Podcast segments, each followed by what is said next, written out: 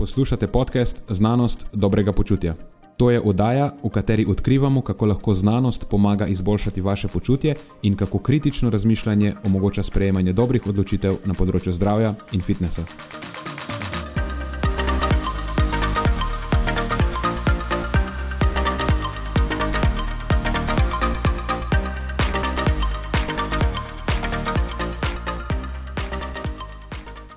Pozdravljeni, z vami smo Nenad ter moja sovoditelja Marijo in Matjaš.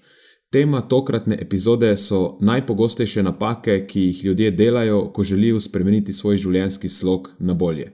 Pogovarjali smo se o perfekcionizmu, moraliziranju, polaganju vseh jajc v eno košaro, spreminjanju vsega naenkrat in še o marsičem drugem.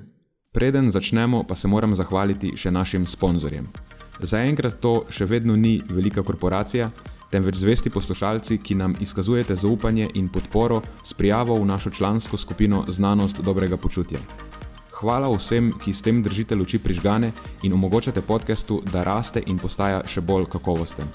Hvala tudi vsem, ki nas podpirate s pozitivnimi komentarji in visokimi ocenami, ter s tem, da priporočate podcast svojim znancem in prijateljem. Zdaj pa je končno čas za začetek epizode.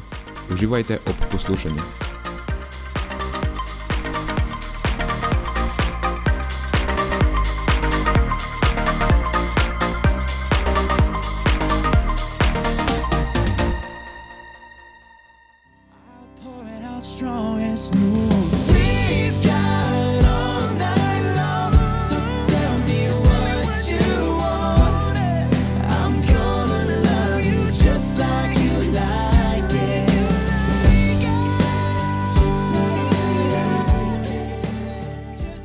It. Kako sta?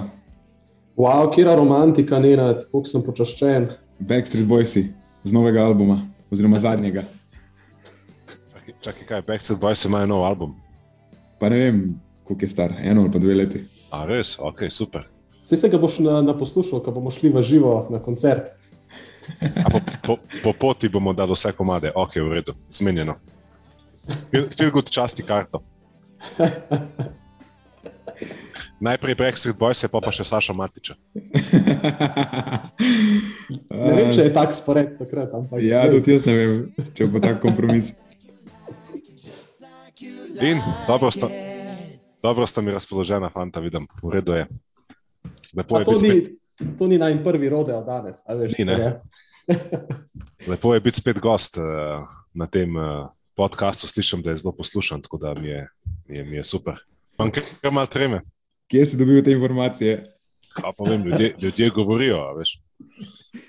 E, Sem slišal iz različnih virov, da je dobro Absolutno. poslušati. Absolutno. Sam, a ne da se pogosto zgodi zdaj zadnje čase, da pridejo kakšne no, nove, nove stranke pa rečejo: Poslušam vas na podkastu.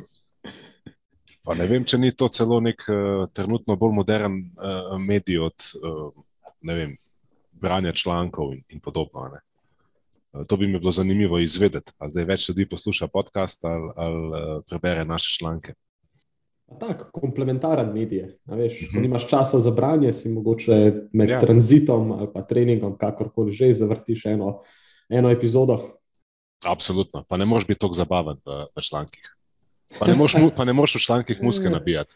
E, muske sicer ne, lahko si pa zabaven, tebi kar uspe, Marijo. Imaš, Ah. eh, imaš par močnih, običajno noter. Hvala lepa. Ok, bomo začeli mi. A mislim, da smo že začeli. Pa to je bilo uvodno ogrevanje. A, ok, v redu. Mislim, da moramo začeti z, z odštevanjem. Moramo začeti. Ja, točno, štiri, Še štiri, še štiri dostotke. še štiri do stotice, tako je. A, to pomeni, da bom naslednjič gost čez štiri epizode.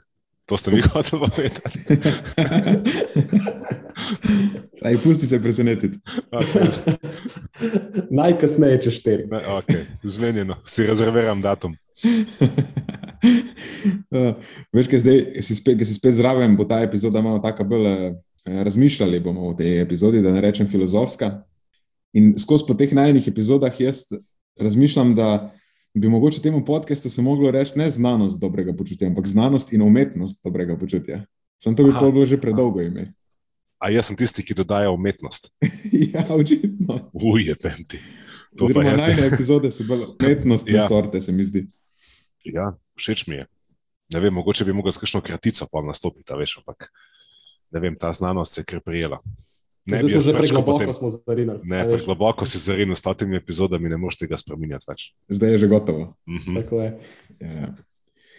V glavnem, v bistvu za to epizodo si ti dal Marijo idejo, da bi se pogovarjali o najpogostejših napakah, ki jih ljudje delajo, ko želijo spremeniti svoj življenjski slog na bolje.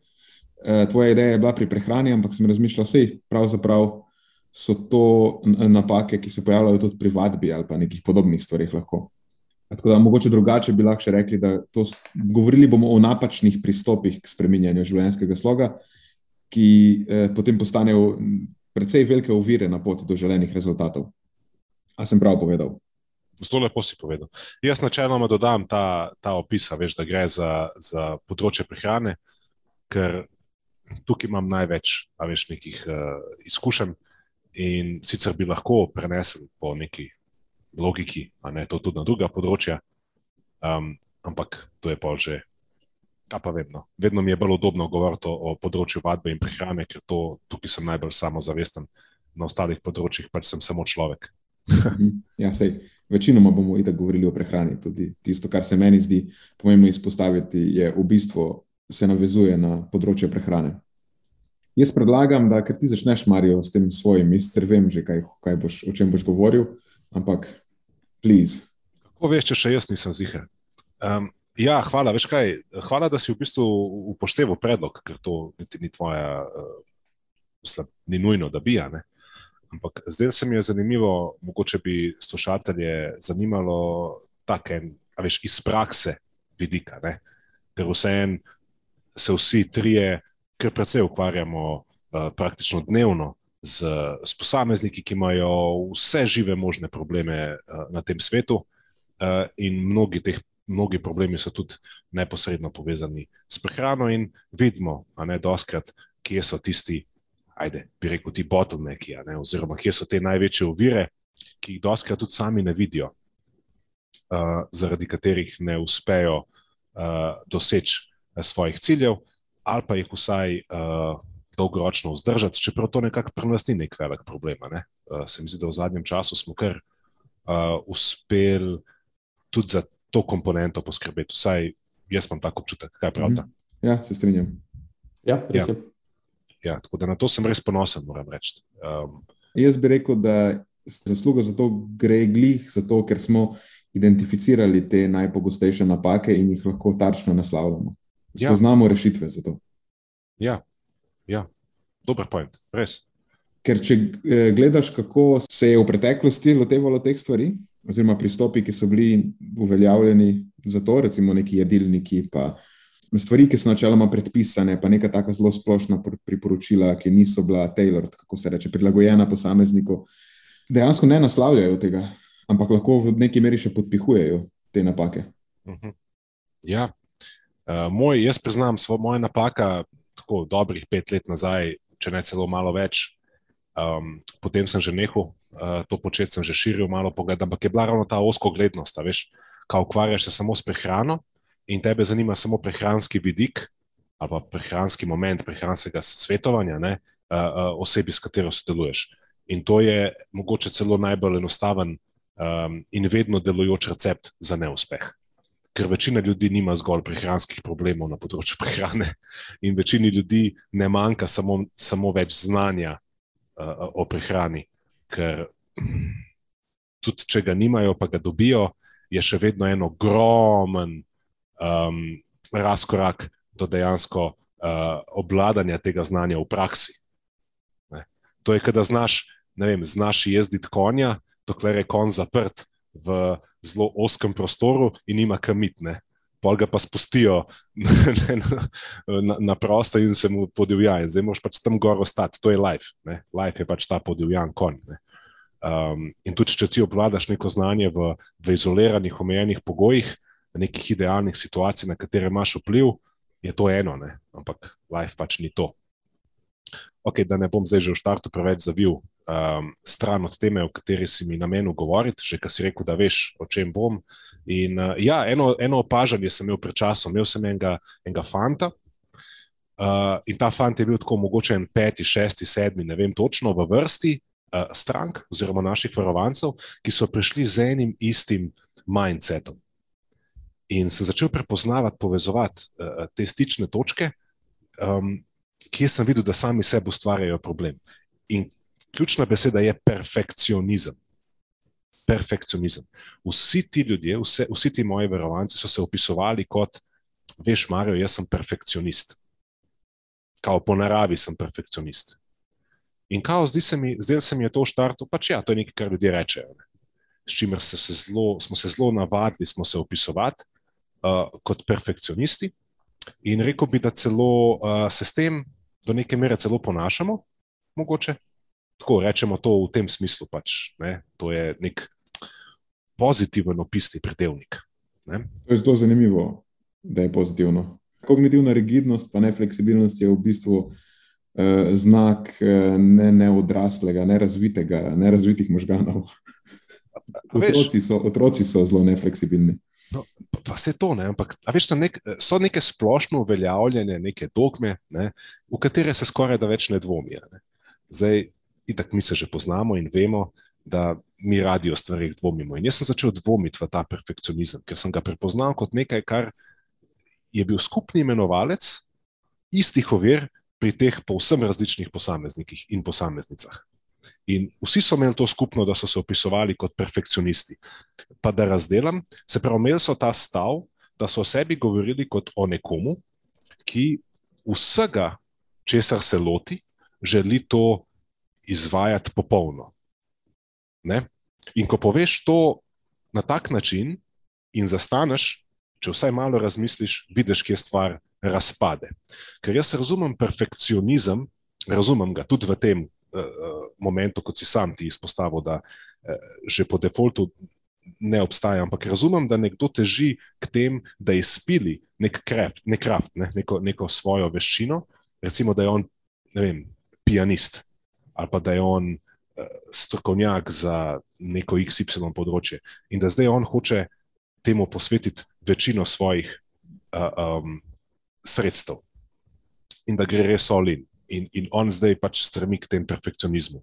Ne? Ok, razumem. Sam po defaultu si vzel stran vsa sredstva z vseh drugih področji svojega življenja, ker neomejeno sredstev pa nimaš. Tako da tisto, kar sem opazil, je, da, itak to smo vedeli, ampak se želim samo o tem govoriti in mogoče malo spodbuditi koga k razmisleku, da že po defaultu, če se opišeš kot perfekcionist, treba podrazumevati s tem tudi, da ne moreš biti perfekcionist na različnih področjih. Samo sebe izključuje to. Tako da mogoče malo več neke distance ali pa kritičnosti do uporabe te, tega opisnega pridevnika. Se pravi, če rečem, da sem perfekcionist, v čem in za kakšen namen? Ker če si perfekcionist na svojem po, poslovnem, poklicnem uh, področju, ja, ne moreš biti pol perfekcionist tudi, če se lotiš prehranskih prilagoditev, če se lotiš vadbe. Zdaj pač ne gre, ne? če imaš omejeno količino sredstev, ne moreš zdaj kar 100% delegirati na šest različnih področji. Ne, pač boš mogel ne? to razporediti. In tukaj vidim, da so vsi zadeli ob ta zid. Opisovali so se kot perfekcionisti, in potem, ko jim seveda pri prehrani ni šlo upoštevati vseh usmeritev v 100 odstotkih časa, kaj misliš, da je bila nasleden, naslednja možnost? Ne? Ja, izvajajo so to v bistveno manjšem odstotku, kar je, bil, kar je bilo še vedno ok, zanimivo. Ne, ne vem, 70-80%, kar je bilo za njihov cilj v bistvu čist dost, za večino teh strank. Ampak so imeli pa neverjeten občutek slabe vesti, samo obtoževanja in samo kritike, češ da jim ful ni uspel. To je potem še dober izkupiček, ker veš, kaj se zgodi včasih, ko imaš Nič. vse ali nič pristop. Vse je to, vse je to, točno to, nič se ne zgodi. Absolutno nič se ne zgodi. Če si pustiš samo dve opciji, ali bo popolno, ali pa ne bo nič, pa bo vedno nič, ker popolno nikoli ne more biti. Ja, no, in ta, ta per, mene je recimo presenetilo, ker uh, zdaj imam v mislih tega fanta, ki jih na zadnje, s katerim sem delal, ker je v bistvu precej ok uh, delal stvari večino časa. Ne?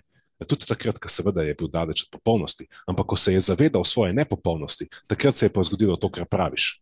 Se pravi, večino časa si tako, tako nepopoln, sam pazi, večino časa se te svoje nepopolnosti niti ne zavedaš. Ko pa se jo zaveš, potem te pa, k, ne vem, kaj en šamar te opali In takrat se pa zgodi to, na kar si zdaj opozoril, Nenad, zgodi se ta nič. Zgodi se en tak val, tak val te preplavi eh, um, nekega subjektivnega občutka neuspeha, nič vrednosti, zakaj se sploh to gre, brez veze, a ne tako. In to te povozi. In potem ti poskušaš tega človeka sestaviti nazaj, ampak pazi, če on ne spremeni svojega nazora, če on ne spremeni svojega pogleda skozi prizmo perfekcionizma, potem on ne bo nikoli uspel iz tega se ven izvleči. Ne, se pravi, edini način, ki sem ga tukaj videl, ne, tudi ko sem se pogovarjal uh, s tem fantom in pač smo nekako to uspeli razdeliti, da če, če, veš, če se že opisuješ kot perfekcionist, ne, da razdelamo malo sami pri sebi, kje smo perfekcionisti, če sploh kje v bistvu zares smo in k čemu bi bilo bolje kot perfekcionizmu, um, ali pa k čemu bi bilo bolj smotrno kot perfekcionizmu slediti. Uh, mislim, da je ta perfekcionizem napačna beseda za to, kar se v resnici dogaja. Zakaj sem jaz prej omenil to eh, kognitivno rigidnost, pa nefleksibilnost? Mogoče komu ni jasno, kako se to s perfekcionizmom poveže. Ampak se mi zdi, da v tem primeru gre za to, da ljudje imamo radi pravila, radi imamo, da so stvari črno-bele. In če ti imaš stvari črno-bele, pol recimo, da rečeš, da so, ko so bele, je v redu, pa dokler so bele, ti je udobno in ti mu lahko rečeš, da je pač perfektno. Pa pa, ker več niso bele, pa lahko to smatraš kot poraz. Ampak tudi, ne, veš, ne da takrat, ko niso bele, postanejo takoj črne, lahko da so sive. Sami ljudje sivine ful ne maramo, zelo neudobno je. Moraš uh, kupenih kognitivnih kapacitet. Moraš nameniti k temu, da potem ugotoviš, kaj zdaj to sivo točno je, pa kako je mogoče še dovolj dobro, pa kako ni, pa kam zdaj to točno dati. Uh, se mi zdi, da gre bolj za neko, neko varovalko, ko nisi pripravljen na naporno miselno delo. ne vem, kako naj to sploh na lep način povem. povem. Pol pač se opišeš kot perfekcionist in deliš stvari na črno in na belo, ker je to lažje. In zato sem rekel, da se mi zdi malo smešno, ko se nekdo ponaša s tem. Ker bistvu tak pristop k življenju, ali je sam tako, kot sem si jaz zamislil, ali pa ni nič, je v bistvu tako se otroci obnašajo. Ne? Takrat, ker recimo na blagajni hoče imeti kinder jajčko, pa je ne dobi, če je ne bo dobil, bo začel traumirati. Dobesedno to se dogaja. Ne, nekako to je znak ne, ne, na nek način neodraslosti. No? E, tako da jaz sem mu navezal na to, kar sem, mislim, da sem videl skupaj to enkrat, eh, ko postavila te zadeve v kontekst. Da, pa so se pogovarjali o hujšanju, ker so rekli, da to je odrasel cilj. Ker moraš k temu moraš res odraslo pa pametno pristopiti. Ne, moraš, eh, ne more biti to neka taka impulzivna stvar, ali pa ne moreš imeti nekih takih ne zelo rigidnih pristopov, ki so v bistvu precej otročji. Rekla sva v bistvu, da uh, odrasel cilj definira sposobnost odreči se trenutni zadovoljiti v sedanjosti za nek višji cilj v prihodnosti. Ja. Po neki definiciji. Zakaj je odrasel? Ker je to neka sposobnost, ki jo po pravilu v večji meri premorejo odrasli razviti možgani, kajti otrok, recimo v času odraščanja adolescence, teh aspektov svojega prefrontalnega korteksa še nima v celoti razvitega in se te stvari še poskuša priučiti skozi izkušnje, ki jih v življenju pridobiva. Tako da odrasel posameznik naj bi to sposobnost že imel, naj bi. Ne? To je recimo en aspekt, drugi je pa ta, da tudi otrok recimo še ne zna kontekstualizirati stvari, kot naj bi jih odrasel vedel. Tako da to sta te dve komponenti. Ja. Jaz sem se na to drugo bolj navezoval. No, jaz sem to prvo želel pojasniti. In ja, ja. Tukaj se popolnoma strinjava. Um, jaz sem uh, izhajal skozi ta perfekcionizem, gledal sem na ta perfekcionizem, trudil sem se gledati na ta perfekcionizem drugače, kot ga dojemam sam, skozi oči tistih, ki govorijo o njem in jih jaz poslušam. In sem opazil, da je mogoče tako, postal sem malo bolj pozoren tudi v splošni javnosti, kako se ta besedna zveza ali ta beseda sploh uporablja. In sem opazil, a veš, jaz spremljam šport, spremljam košarko rad in opažam, da športniki zelo radi govorijo o, o tem, da so perfekcionisti, o, o tem, da pilijo neke elemente igre do, do amena.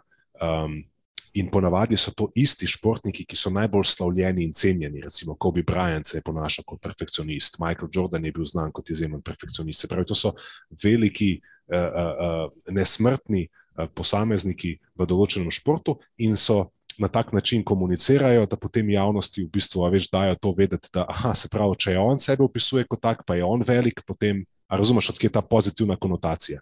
In pa sem videl tudi recimo v svetu kulinarike, tudi to zelo rad spremljam. Vidim Gordon Ramsay, recimo se tako opisuje. On je pač, veš, bil perfekcionist, mora biti krožnik tak, kot si ga je zamislil, niti milimeter ne sme biti neka stvar odmaknjena od pozicije, kjer on želi, da je.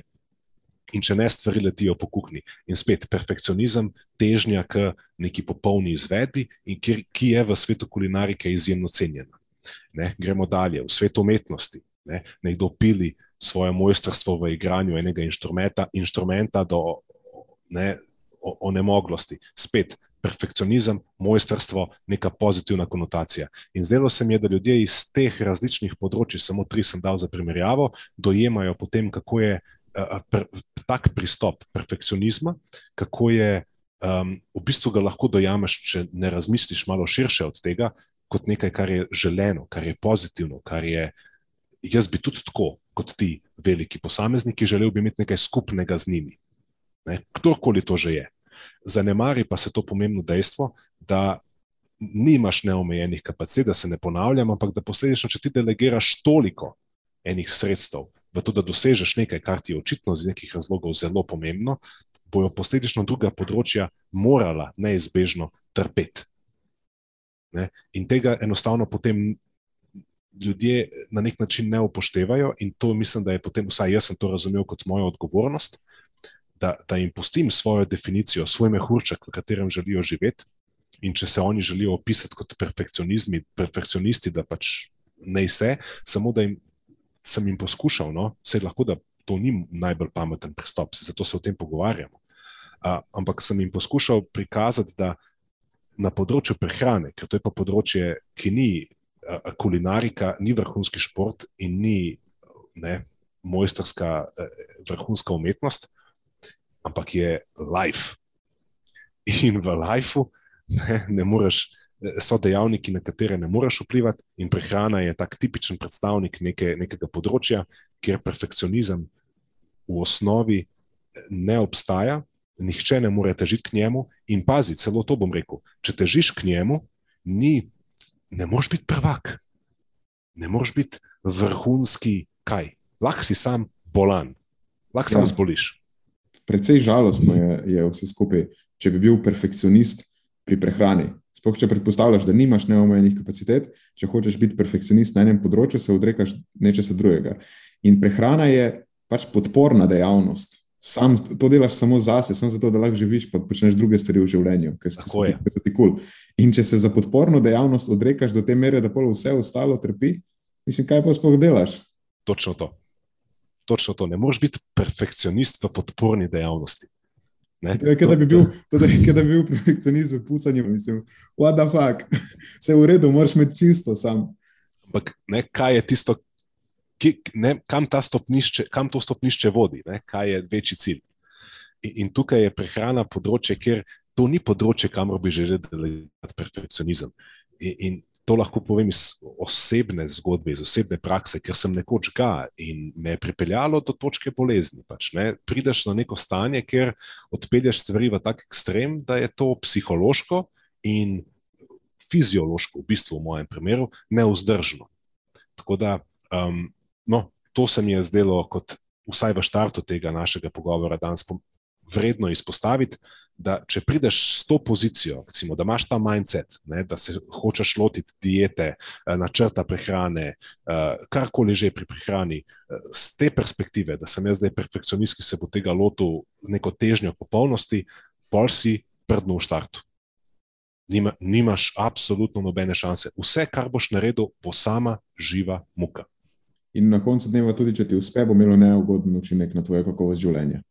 Pika konec. Tako da to sem videl kot en tak res nepre, nepremostljivo oviro, Mhm. ki, ki, ki jo moraš v štartu umakniti, ker če ne, če ne, ne boš mogel naprej. In zdelo se mi je vredno z naše perspektive, kot coachi, kot prehranski svetovalci, da to pomagamo posamezniku, če zaznamo um, prepoznati, skomunicirati in že pred samim pogovorom o beljakovinah in oglikovih hidratih in Mhm. zajtrkih in kosilih je odgovorno to nasloviti. Tudi če za voljo nadaljnega sodelovanja. Tudi če za voljo nadaljnega sodelovanja, ker ne delamo usluge s tem nobenu. Ja. To je v bistvu ta moja prva točka. Ne. Verjamem, da ste imeli tudi vidva kakšno tako pripravljeno. Jaz sem pripravljen eno sorodno. Mhm. Pa Gre pa za moraliziranje v prehrani. Ampak se v bistvu bi lahko posplošili tudi na druga področja. Ampak gre za to, da vilificiramo neka živila, a se reče vilificiramo, vilify je angliška beseda. Pač da označujemo živila, pa celo cele skupine živil kot ne vem, slabe, škodljive, nezdrave, redilne, eh, vnetne, grešne, nezakonite, polne črne magije, kaj jaz vem, kaj vse že se reče, da so. Pač kakorkoli hočeš eh, mo moralizirati.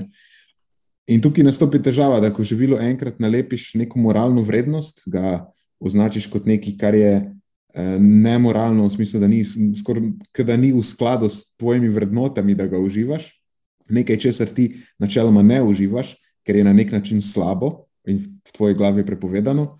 No, tukaj, točno tukaj si pol ustvariš uh, okolje, kjer si izpostavljen uh, vse sorte nekim čudnim miselnim procesom in tudi vedenjem v končni fazi, ko, ko si v situaciji, da si temu živilu enkrat ponovno izpostavljen. In temu živilu, kakršno koli je, skoraj, boš absolutno izpostavljen. To je tako, no way around it. Ne, te, temu se ne moreš izogniti. Še posebno, če so to živila, ki so sicer normalen del sodobne prehrane, ali pa celo, če gre za živila, ki jih imaš rad, pa celo, celo za živila, ki so v preteklosti bila tvoja najljubša živila. Ne, ker potem, slej ko prej, pride trenutek, ko temu živilu nisi samo izpostavljen, ampak si ga privoščiš. Pa, ne vem, je neka zabava, ti ne vem, babica naredi za rojsten dan, ki ve, da je bilo to tvoje najljubše. Uh, zgodilo se bo, vedno se zgodi. Um, in potem se v tvoji glavi začne, da okay, zdaj se je že zgodilo. Ampak se je zdaj samo enkrat. To je zdaj zadnjič v življenju. Potem pa sigurno nikoli več, ker to je slabo in to je nemoralno, in jaz tega nikoli ne počnem. Varianta, zdaj sem se pregrešil samo, pa, pa bomo šli k spovedi, pa pokora, pa to, pa, pa nikoli več. Okay? In, ker je zdaj to pač zadnjič, greš, a, absolutno greš do konca. Zdaj si ekstra privoščim, zdaj je zadnjič. Mislim, dobesedno, veš, pridejo pa nam rečejo, kaj se zgodi. In ko opisujejo te stvari, dobesedno zapadejo v stanje, kjer se obnašajo, kot da jejo zadnjič v življenju. Ampak seveda to ni tvoj zadnjič. In tudi tega ne počnem nikoli, v narekovajih. Tudi to traja ponavadi mogoče dva tedna, potem pa ponoviš celo vajo. In se mi zdi, da to je največji problem tega takega pretirano restriktivnega pristopa k prehrani, ali pa mogoče še boljše bi lahko rekli moraliziranja v prehrani. Ja, jaz sem imel pravzaprav hm, pripravljeni dve točki. Ena se tako direktno navezuje na, na to, kar si ti povedal, Marijo, ampak če sme, se smem najprej pripeti na tole tvojo nenad. Uh, točno to se dogaja zelo pogosto, recimo tudi pri, pri, pri športnikih. Ne? Neko moraliziranje o prehrani, vilificiranje živil, oziroma neko tako pretirano čistunsko prehranjevanje, kjer si potem ustvariš nek tak um, mehurček nepotrebnih pravil, ki te v bistvu direktno uvirajo pred tem, da bi dosegal svoj cilj. Uh, in um, pri, pri, recimo, pri mladih športnikih se mi zdi, da je to uh, še posebej izrazito na naslovu izključevanja uh, neke nekih predelanih živil, ne, eh, kvazi zato, ker imamo ustvarjeno neko sliko, kako naj bi zdrava prehrana izgledala, in potem seveda vključuje izključno polnovredna eh, živila, brez kakršnih koli eh, duha ali sluha o sladkorju in podobnih stvarih. Pa čeprav vemo, da. Oziroma, nam hitro postane jasno pri pogledu športnikovih potreb, da brez višjega dela procesirane prehrane ali pa celo v nekaterih primerjih načrtnega nižanja deleža polnovredne prehrane, nikakor ta prehrana ne more biti uh, zdrava, pod narekovaj. Mhm. Na tej točki je recimo to vse zelo abstraktno, to, kot sem jaz predstavil. Pač ne moralizirati o prehrani, vse kul. Cool, Ampak kako veš, da to deluje? Recimo? No, imam anegdoto. Imam v živo tega trenutka, to ne bom nikoli pozabil, v živo se spomnim celega zaporedja dogodkov, kdaj sem ugotovil, da je to dejansko problem in se dobo tudi dokaze, da imam prav. Sumo se mi že to nekaj časa. Pri delu z ljudmi itak prepoznavaš te vzorce in pač postaviš neko domnevo. Zdaj jo moraš potestirati. No? In potem sem imel eno varovanko, ki je imela tak izrazit problem. Kadarkoli je bila izpostavljena nekemu živilu, ki, za katerega so sicer mislila, da smo nehala moralizirati o njih, ampak v bistvu nisva, očitno kadarkoli je bilo, to so živila, ki mi povzročajo težave, in kadarkoli se jih je lotila, pa je bilo gotovo. totalen rastor. No, in potem sem se jaz odločil za eno tako eh, predrzno potezo. In ko je ona vedela vse o prehrani, vedela je, kakšne so njene, njene potrebe po beljakovinah, po ugljikovih hidratih, po maščobah, kako se stavlja obroke, vse. Večina njenih ni je bila popolna, tako kot praviš, Marijo, je bilo, ona je bila perf- perfekcionist v prehrani. Ampak zgodilo se je, ko je v neki situaciji bila izpostavljena enemu izmed njenih problematičnih živil, v narekovajih, in pa je bilo vse gotovo. No, in pol v eni tej seriji popolnih dnevov, ko so se dobila na sestanku, sem jaz rekel, ok, kul, cool, super. Pač prehrana tvoje, vse delaš, po mojem mnenju, še predobro. Ampak dejva, zdaj bomo pa rešila ta tvoj problem s temi živili, ki se jih v bistvu bojiš. In se rekel, "N- naučil sem te, kako jih ovrednotiš.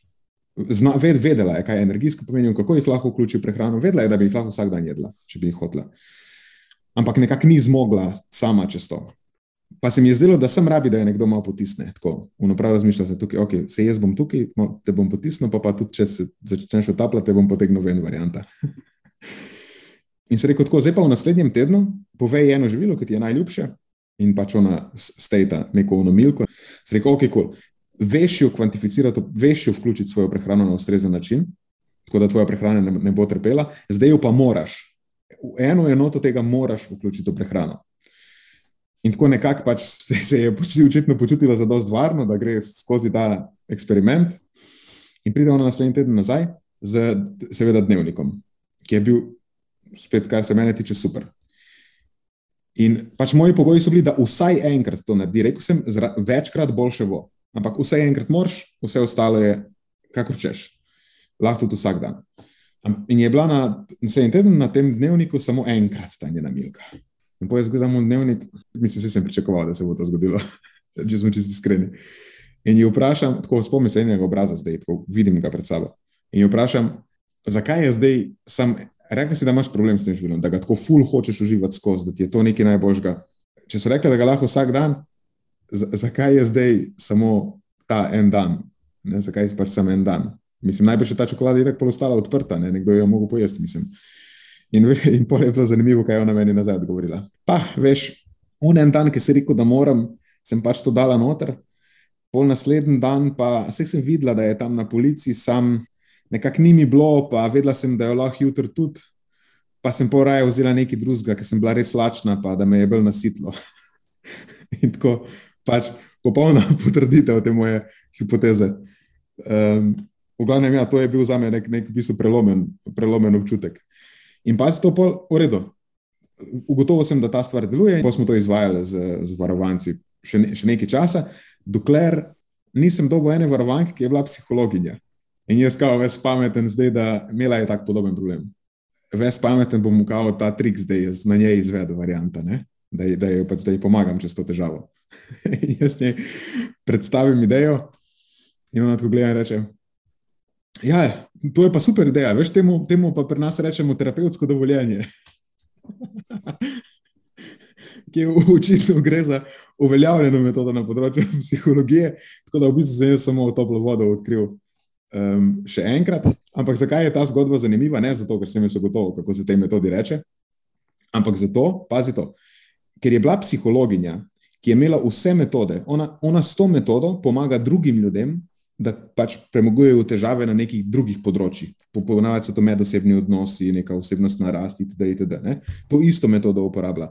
Ampak zanimivo, da na prehrani je bila pa slepa za ta problem. Tako ni, ni uspela nekako ekstrapolirati ali pa ugotoviti, da, ta, ta, da ta v bistvu ista metoda je, je tudi uporabna na področju prehrane. In se mi zdi, da je to nekaj, kar pogosto ugotavljamo, da zelo pametni ljudje na nekih drugih področjih popolnoma razpadejo, ko pridejo na področje prehrane. In to je zame še vedno uganka, zakaj se to zgodi. Ja, lepo si povzel to zgodbo. Sicer um, spomnim se, kako si bil prevzet, ko se je to zgodilo. Ja, res spomnim se trenutka, si tako govoril o tem, kaj da si. In, ful mi je bilo, uh, tako se učimo. Veš, ko v bistvu se tudi sam kot, kot coach, ko, ko, ne, se učiš na tak način in, in, in to je res ta thrill. Ja. Um, kdo je zdaj na vrsti? A imaš še ti, Matjaš, kaj dodati? Rekel si, da hočeš na prvi točki tam primarjo nekaj. Ja, dajmo, dajmo še tako. Aha, ja, res je, res je, pa sta me dobila.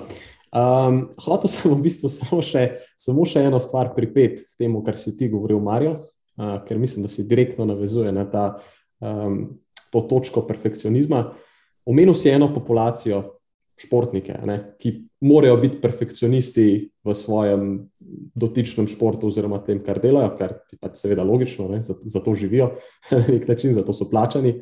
Mm, ampak kar pa opažam pri, pri mnogih teh mladih športnikih, je pa to, da se pretirano zanašajo na polaganje jajc v, v eno samo košaro, znotraj te, neke, tega, tega pogovora perfekcionizma. Ker ko se pogovarjamo o, o športnikovem uspehu, je tle ogromno enih dejavnikov, je res. Zdaj, tisti, ki so pod našo kontrolo, so recimo prehrana, trening, spanec, stres management in tako naprej. Uh, in vsaj pri mladih športnikih imam pogosto občutek, da, da vlagajo ogromno v ene aspekte te, tega perfekcionizma, spet druge, pa potem, ki so še vedno izjemno pomembni za njih, pa nekako um, aktivno zanemarjajo. Recimo, ogromno vlagajo v vse aspekte fizične priprave, potem jim pa pogosto zmanjka kapacitet za vem, določene aspekte regeneracije, recimo za, kaj pa vem, vlaganje v nova.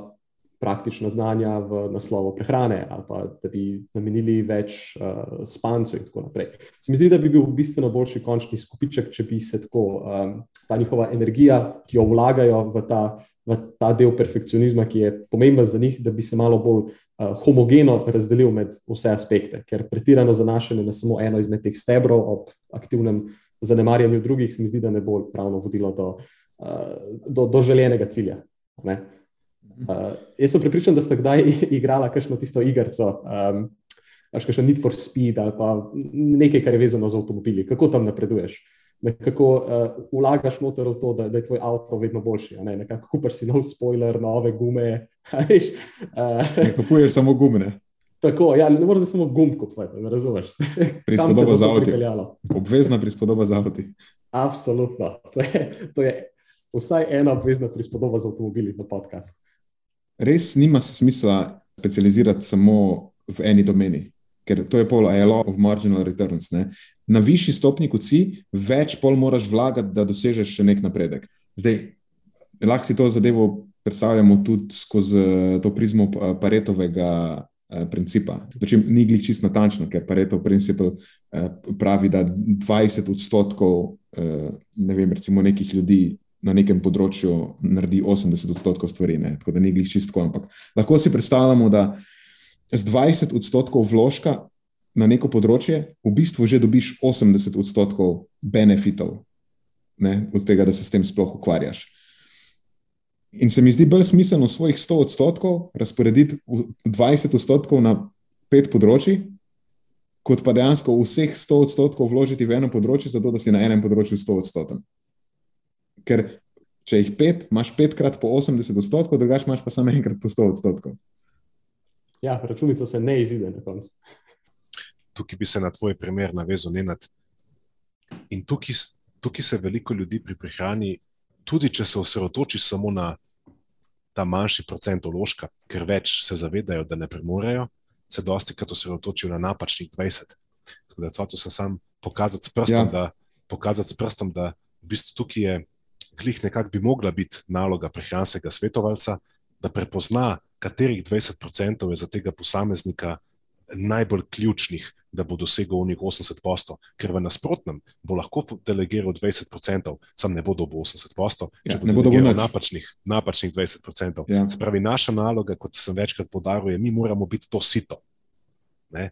Da spustimo čez tiste informacije, tisto znanje in ga pomagamo temu posamezniku pretvoriti v neke razumljive, uporabne veščine, ki bojo njemu dali potem večino teh koristi. Kar se zelo pogosto ne zgodi, če tega posameznika zasujemo z nekimi naključnimi, nam pomembnimi, mogoče zgolj zanimivimi informacijami, ki njemu samo zafilajo ta, ta, ta, ta disk, ne, da se tako izrazim. Ja, da ga naučim par presnovnih poti, ja, na pamet. Recimo, ne. Ne, pa- to, ja. Ja, drugače pa, ja, s tem, ko sem se navezal na ta Pareto princip, ja, predvideval sem, da se govorimo o 20 odstotkov vložka v najbolj osnovne in najpomembnejše stvari. Ker če vlagaš v neko izogibanje sladkorja, pa izogibanje glutena, pa neki neki, to je tam čist na vrhu, ko vprašanje, če je sploh relevantno in lahko res, da bo ves tvoj vložek šel v nič, če se s tem ukvarjaš. Tako da, absolutno, ja. to je eh, zelo, zelo dobro pojasnilo.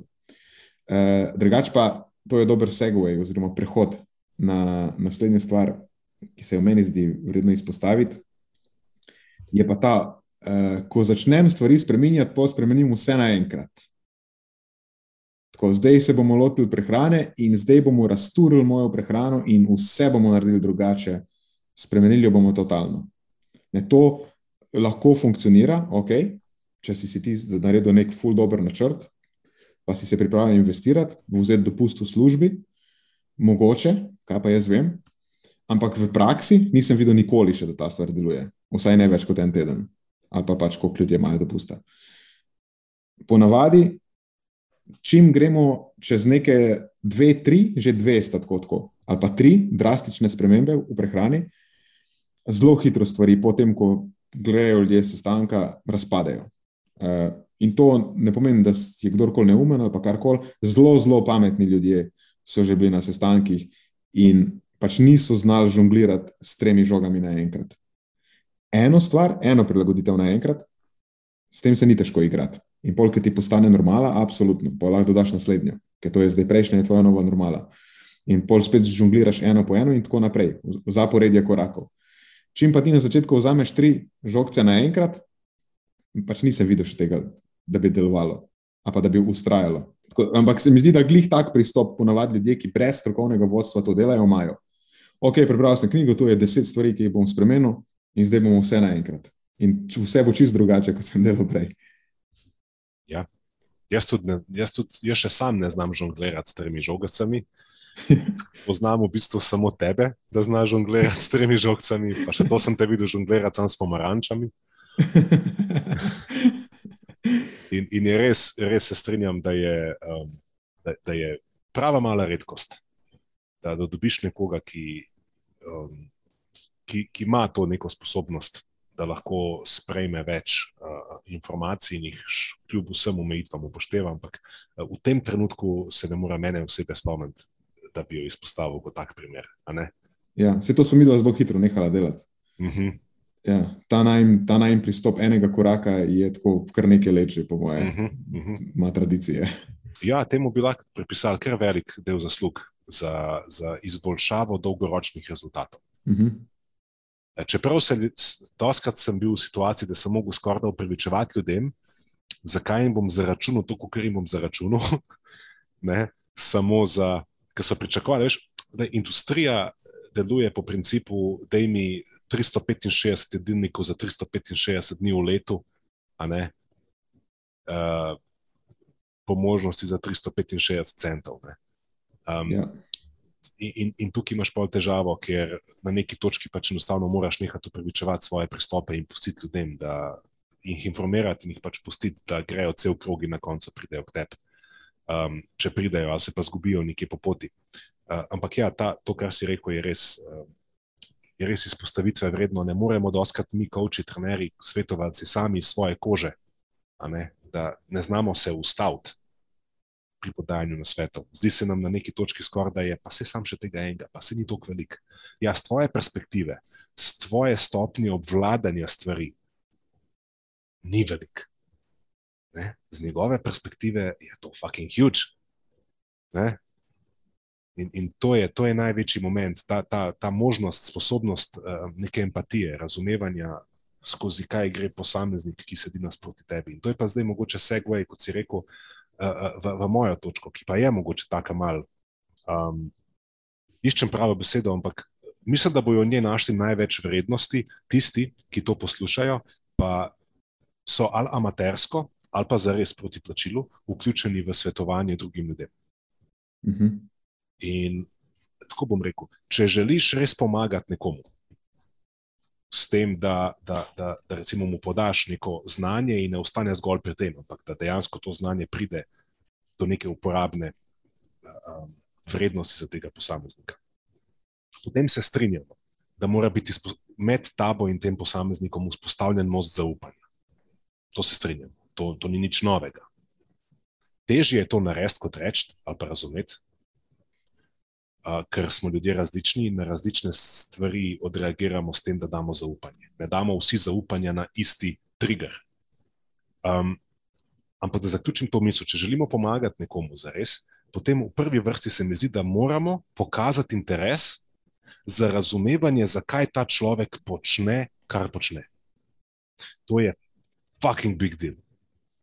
Ne boš dobil zaupanja v taki meri, s tem, da ga boš navdušil s svojim razumevanjem in znanjem. Ne boš dobil zaupanja v taki meri, če mu boš flashil svojih 60 ur sledilcev na Instagramu. Zaupanje boš v največji meri, najbolj poglobljeni obliki dobu, ko bo on začutil, da je tebi iskreno mar. In tega ne bo začutil tako, da boš ti njega gledal, pa ne vem, karkoli tukaj, zdaj se ne morem spomniti boljših primerov. Začutil bo edino na način, da, da, da boš izkazal interes, da ga razumeš. Ampak zares, da ga razumeš. Ne te, a veš, pavšalne, plehke fore, ja, veš, te razumem. To, to nobenemu ne pomaga. Mnoge celo odbije. Ker veš, kaj je največja fora?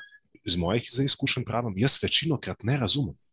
Ne mo, a veš, ljudje smo si različni. Jaz doskrat ne, večino, večino krat dejansko ne razumem, zakaj moje stranke počnejo stvari pri prehrani, ki jih počnejo. Ne razumem. Ampak se ni moja naloga njih razumeti. ne? Moja naloga je, da razumem ozadje zgodbe, da grem tako globoko, uh -huh. da vidim, da vidim, čakaj, ali ima on prehranski problem, ali ima problem nekje drugje, in je prehrana simptom, neke vrste posledica. Samo nekaj, kar se je skozi svoje življenje, skozi svoje vzorce, skozi svojo zgodbo naučil povezovati s tem. In opazil sem, da če se ukvarjaš z, s prehrano na nekem, na nekem nivoju, da imamo reči nek X nivo ali pa A nivo ali pa B nivo, se pravi na nivoju zgolj prehranskega razumevanja, prehranskega znanja. Primer, jaz zdaj razumem beljakovine, vem, zakaj so beljakovine pomembne, razumem hidrate, razumem kalorije, razumem enote energije. To je nivo, kjer se ukvarjamo s prehrano. In za mnoge ljudi bo to lahko da povsem dovolj. Ne? Je taka transakcija. Manjka mi info, dobim info, uporabim info, dobim rezultat. Pa to je magic, to je najlažja stvar, ki se to zgodi. Ampak v nezanemrljivem številu primerov, v mojih konkretnih izkušenj, ne vem, zakaj dobivam glih najbolj take primere, je to najmanjša verjetnost. Da bom nekomu dal znanje, da bom nekomu dal usmeritve, da mu bom dal uh, veščine in orodja, in da bo on kar ok. In razlog, zakaj se ne izkaže, da je dovolj, ker ne razumem, zakaj on vstane ob desetih zvečer in gre v hladilnik zakaj takrat, ko je v službi, pa ko ga šef napizdi, on takrat vzame keks. Veš, če tega ne razumeš, pa mu ne moš pomagati. Ja, Ker to je pa nek drug nivo problema, s katerim se moraš soočiti, na nekem drugem nivoju razumevanja. to, to je zelo kompleksen problem. In ko delaš za splošno populacijo, prihajajo ljudje k tebi z, z kompleksnimi problemi. In uh, prihajajo k tebi ne zato, da bodo deležni neke transakcije, ampak rabijo vodenje. In moraš biti v tej situaciji, pač na nek način moraš prevzeti vlogo vodje in skupaj morate reševati ta kompleksen problem. Ne? Se rabiš nje- njegov input. Tako da v bistvu v tem primeru prva stvar, to se bo zdaj slišalo čudno, ne? ker pač ljudje največ kot me poznajo. Imajo drugačno mnenje o meni, ali kaj, kaj pa jaz vem. Ampak, če hočeš biti dober, najprej pač svetovalec, pa vodja v tej situaciji, moraš imeti rad ljudi mo, morate biti iskreno, ti mora biti mar za njih. Um, ne delaš samo s prehrano. Tako kot si lepo povedal, moraš probati razumeti njihove probleme. In na, te, na tem, ker takrat ti bodo zaupali, in tudi skupaj boste lažje rešili kompleksne probleme. In spomnil sem se na en citat. Pač gre za to, da zaupanje lahko pridobiš na dva načina. Sam, e, samo eden je pravi. Ne? Eno je pač zaupanje skozi spoštovanje, drugo je pa zaupanje skozi ljubezen. Ampak citat, mislim, ljubezen, sej ni, ni taka ljubezen, sam, ne, da ti je mar za ljudi. Um, in ci- on citat, ki sem ga hotel reči, to, da je v bistvu spoštovanje, kao smo izumili samo zato, da zapolni tisto luknjo, kjer bi mogla biti ljubezen. Uh, tako da, ja, pač to sem hotel reči. Te kompleksne probleme lahko rešiš samo, če pridobiš načeloma na dolgi rok, no, a pa ne, da jih lahko lažje jih rešiti. Če ti je dejansko mar za ljudi, uh, če iskreno pokažeš, da ti je mar za njih, ali pa da jih imaš rad ljudi, zdaj to mogoče ne ful na robe zvoni, jaz ne vem, a, se, a sem preveč, a sem preveč zašel. Ne? Da ti zaupajo pač skozi skoz to iskreno izkazovanje, da ti je mar za njih, um, pol mislim, da je cel proces bistveno bolj učinkovit, pa tudi uspešen na dolgi rok. Se lahko to mogoče kar v konkretnem primeru ali pa prispodobi poskušamo uh, uh, tistim, ki poslušajo, približati. Mogoče lahko, mogoče pa me boste dopolnili. Našo vlogo v tej zgodbi razumemo kot vlogo arhitekta, ki pomaga nekomu zdizajnirati hišo njegovih sanj. Zdaj, arhitekt ima določena znanja, ampak veš, tisti človek, ki ima, veš, on bo tam, on bo tam živel, on tam ve, kje hoče imeti kuhno, koliko hoče, da je kuhna velika, kakšen, kakšen hoče, da je prostor, zakaj hoče, da je tak prostor. Zdaj, če ti tja letiš kot arhitekt, rečeš, da to ne bo v redu, tukaj bomo dali to, tukaj bomo dali to. Pa ne znaš prisluhniti človeku, ne znaš razumeti, zakaj je njemu nekaj pomembno, zakaj hoče, da neka hiša zdaj na določen način. Pol ne boste nikoli prišla skrb. In če je kdorkoli, kadarkoli, ki to posluša, sodeloval z se, naj, z arhitektom, se najbrž zaveda, koliko je to pomembno, da imaš ta klik. Se pravi, ni dovolj samo neko strokovno znanje o tem, kako neke strokovna načela postavljanja hiše, eh, kako ta stvar v praksi, recimo v teoriji, mora izgledati. Ampak če ti v praksi ne uspeš najti, ne, da človek zdaj dobi ta feeling, da ti štekaš, kaj je njemu pomembno, pol najbrž ne boš tako uspešen, kot bi lahko bil. Ne, ne vem, če se vam zdi ta, ta, ta prispodoba kakorkoli na mestu, ampak v moji glavi se je očitno zdela dovolj pomembna, da sem jo delil. Ja, Da. absolutno. Pač na človeškem nivoju se moraš povezati. Ne, ne moreš samo skozi prehrano, pa skozi strokovnost, pa gledaj, kaj jaz vem, pa kako sem pameten.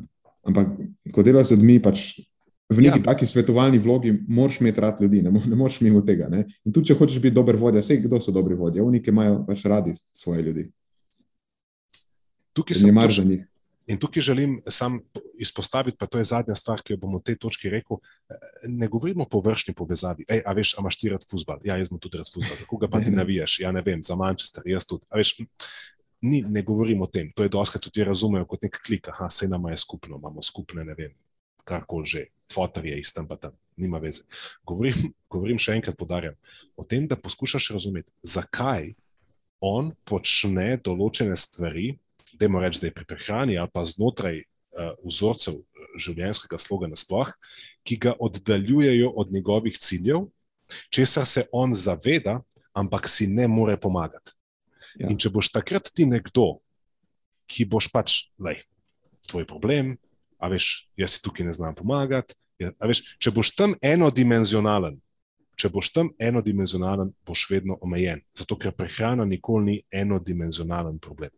Ali pa vsaj zelo redko je enodimenzionalen problem, ker ljudje smo pač čustvena, emocionalna bitja, ki prehrano zelo radi uporabljamo kot nek, nek medij za ekspresijo nekih čustvenih stanj.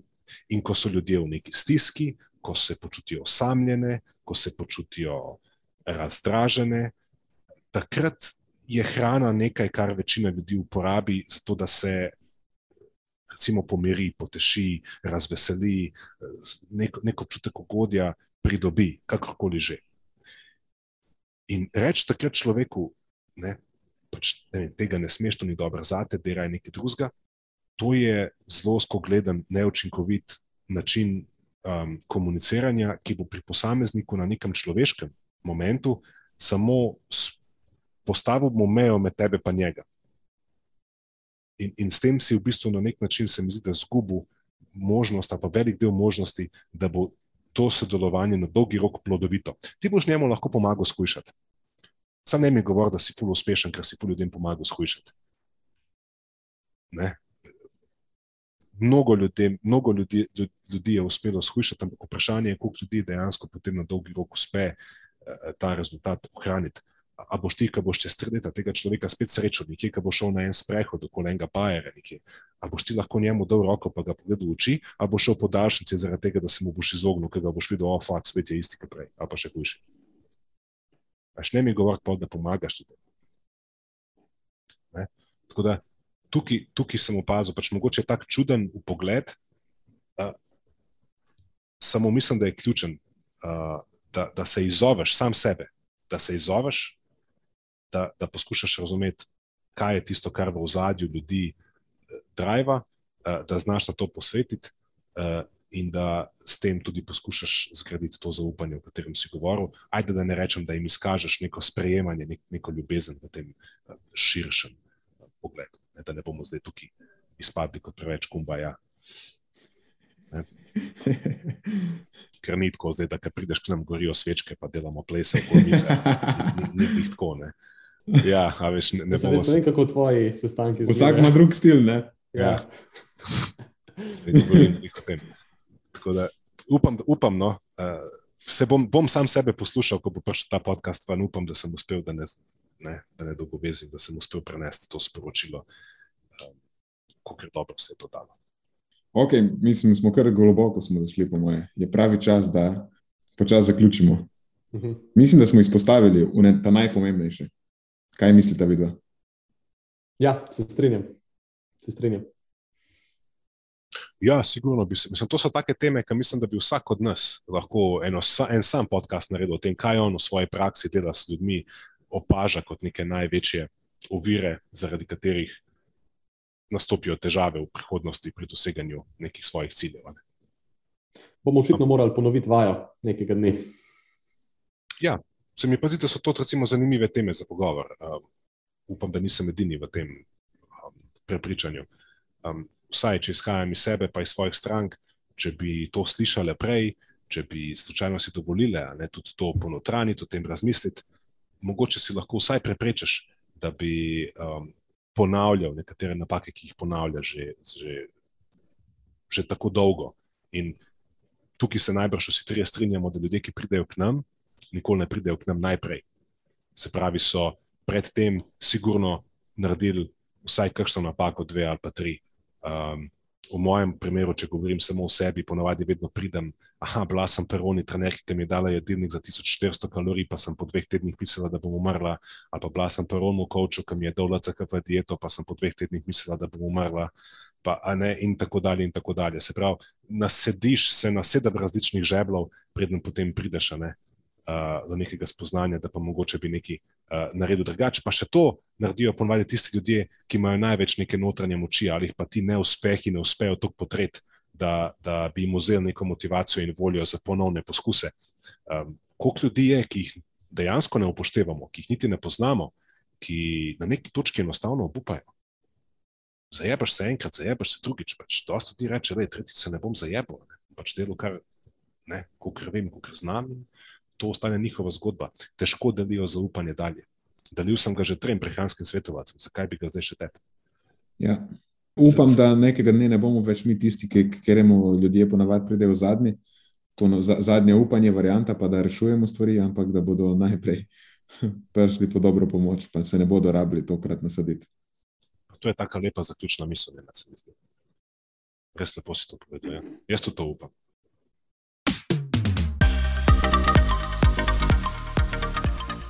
To je za tokrat vse iz naše strani. Hvala, ker ste poslušali do konca. Delite epizodo s svojimi znanci in prijatelji in jo priporočajte dalje, saj s tem omogočite, da sporočilo znanost dobrega počutja doseže čim večjo množico. Hvala vsem, ki nas podpirate s članarino in tudi vsem ostalim, ki delite podcast dalje in nam izkazujete naklonjenost z visokimi ocenami in pozitivnimi komentarji. Se slišimo prihodnjič, do takrat pa ostanite premišljeni.